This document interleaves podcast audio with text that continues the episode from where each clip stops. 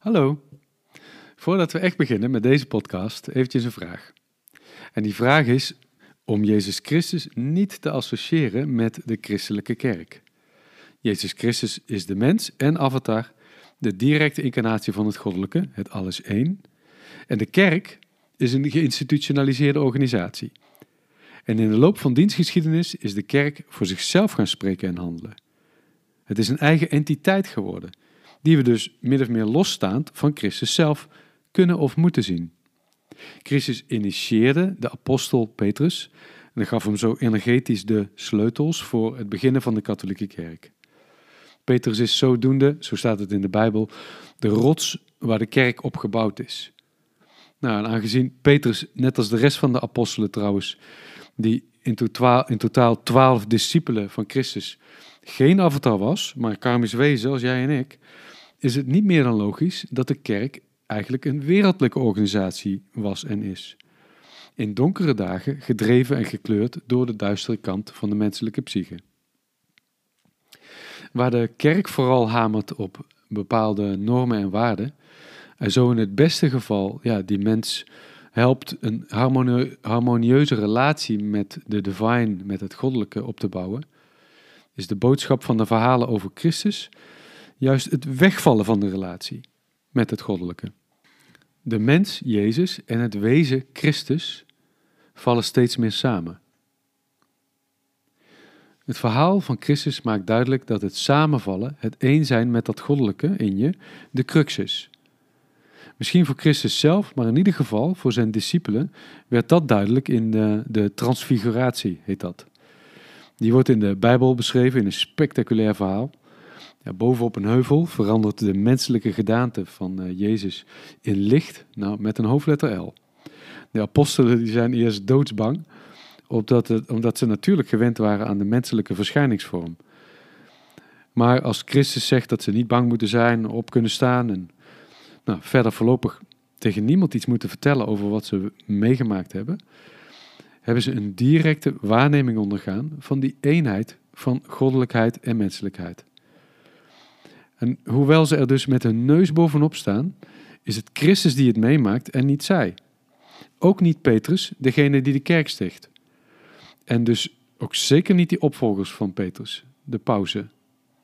In die zin kun je dus zeggen dat al vanaf het ontstaan van de kerk ingebakken was dat er die kloof was. Dat er dus nog een ontwikkelingsweg te gaan was en is, voordat wat Christus voordeed op die heuvel door anderen gerealiseerd kan worden. Als je al iets met Christus hebt, dan is dat ja, bijna altijd met een kerkelijke associatie. En dat is natuurlijk niet per se erg of zo. Maar ja, zoals een, een mot 2000 jaar lang rond een vlam kan blijven fladderen, komt er ooit een goed moment om op te gaan in die vlam.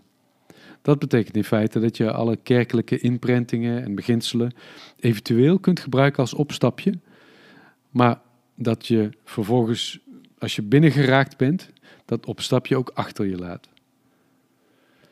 Nou, dat was eigenlijk de inleiding. Uh, ja, goed, dan gaan we nu van die inleiding maar direct door naar de kern. Je kunt je afvragen, wie is die Jezus? Wie is die Jezus Christus? Een uh, revolutionair in de tijd van de Romeinse bezetting? Ja, misschien. Misschien deels. Uh, een, een Jood die genoeg had van de machtsstructuren in de Joodse kerk. Ja, ook dat, misschien. Misschien deels.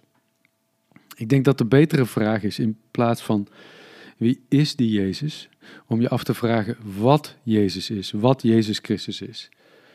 Zijn leven is namelijk, uh, of beter gezegd, de beschrijvingen van zijn leven in de vier evangeliën, die verhalen over Christus in de Bijbel, van uh, even denken, Johannes, Marcus, Matthäus en Lucas. Zijn leven is namelijk een metafoor. Het leven van Christus is een metafoor, een beeld van een spiritueel ontwaken en van een spiritueel leven.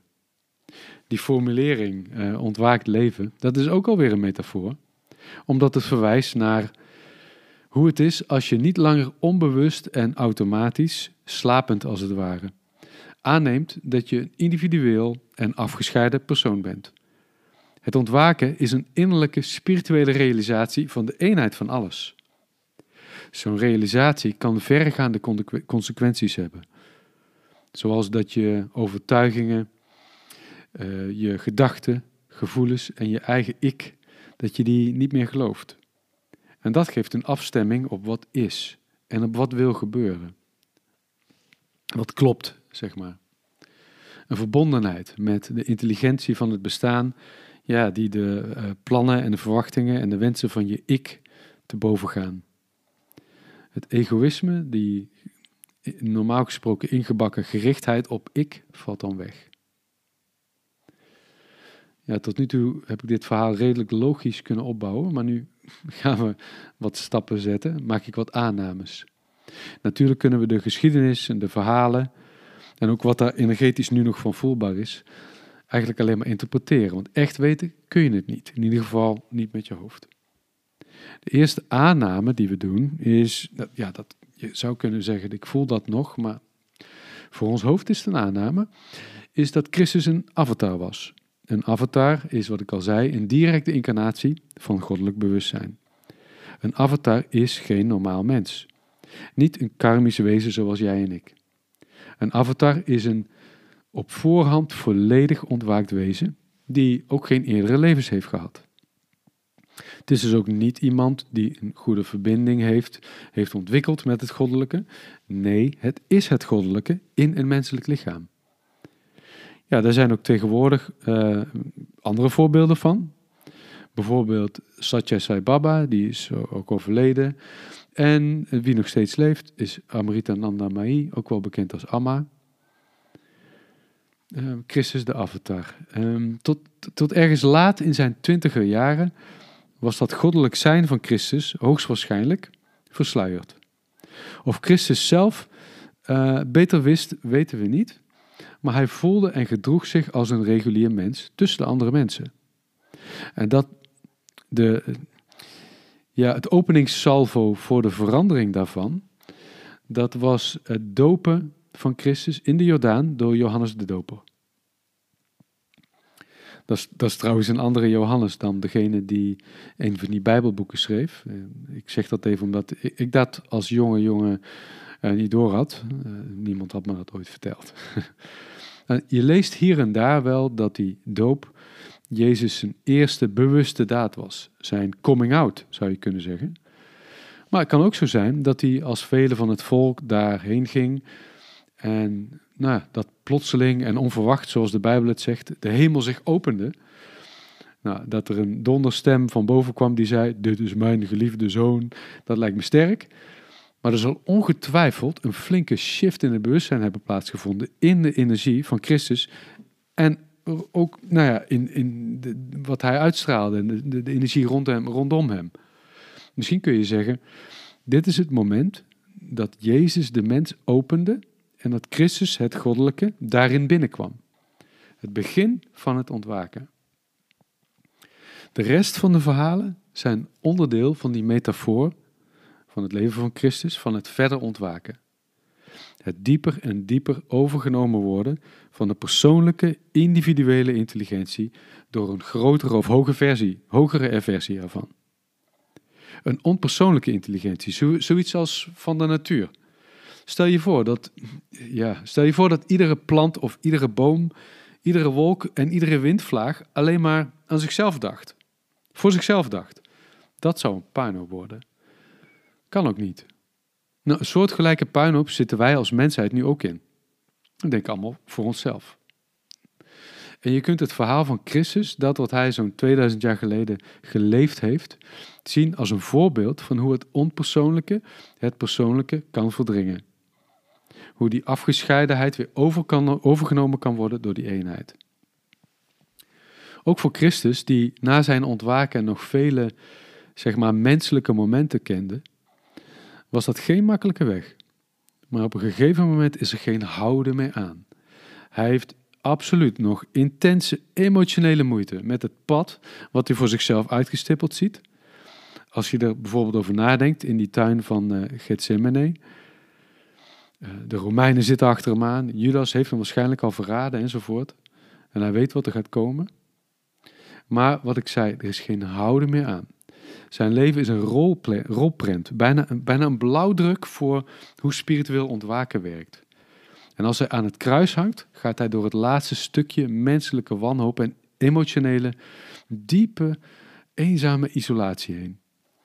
Volgens die geschriften, ja, je weet het nooit, maar het zijn goede verhalen. Volgens die geschriften roept hij dan uit: God, waarom heeft u mij verlaten? En dat moment waarop hij alle controle verloor, het leidt tot het openen op een ongekend niveau. Nou, hij was immers een avatar. En het loslaten van dat laatste stukje menselijke controle en wanhoop was ook het loslaten van het laatste stukje dualiteit. Dualiteit waarin God en mens twee aparte dingen waren. Toen Christus dat losliet, was er het samenvallen, het één zijn van dat goddelijke en dat menselijke. Op het moment dat Jezus dat overkwam, verdween hij, zijn ik, en was hij Christus. En Christus is dan meer dan een principe, dan een mens met een naam. Christus is dan de ontwaakte mens, zowel in de zin van het proces van ontwaken, als in de zin van de ontwaakte staat van het bewustzijn zelf. Ja, nou als je, als je dat zo bekijkt, dan kun je daar een heleboel uithalen. Bijvoorbeeld hoe het ontwaken geluk en kracht geeft. Een enorm charisma, een enorme uitstraling, een enorme voortvarendheid en daadkracht en ja, aanwezigheid. Maar ook hoe het pad ervan blijkbaar ook bestaat uit het doorwerken van heel diepe en heel pijnlijke stukken ikgerichtheid, stukken ego-bewustzijn. En wat je ook uit de verhalen over Christus en ontwaken kunt herleiden, is dat het nu ook weer niet zo is dat hij iets anders kon doen. Um, er gewoon vandoor gaan uh, en een winkel in houten speelgoed beginnen. Nou, niet dus. De onontkoombaarheid van het bestaan, dat is echt iets wat mij in ieder geval opvalt in die verhalen. En dat geldt eigenlijk niet alleen voor die uh, Jezus, maar ik denk voor ons allemaal. Het is of de tragiek van zijn menselijk bestaan en van ook ons, ook jou en mijn menselijk bestaan, tegelijkertijd de opening is voor het ontwaken uit die menselijkheid en dat kunnen laten samenvallen van het goddelijke en dat menselijke. Zo, ja, oké. Dat is geen lichte kost, zo'n uh, podcast over Jezus Christus. Maar het brengt mij wel wat om het zo eens te verwoorden. Ik uh, gebruik nou, bijna elk jaar kerstmis en, en ook Pasen als een opstapje. Samen, nou, soms in ieder geval, met wat kerst of paas of uh, gospelmuziek.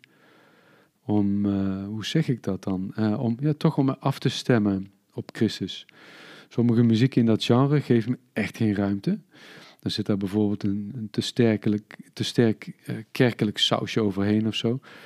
Ja, dan is het bewustzijn ervan voor mij in ieder geval niet helpend in dat dieper gaan en het loslaten in dat Christusprincipe.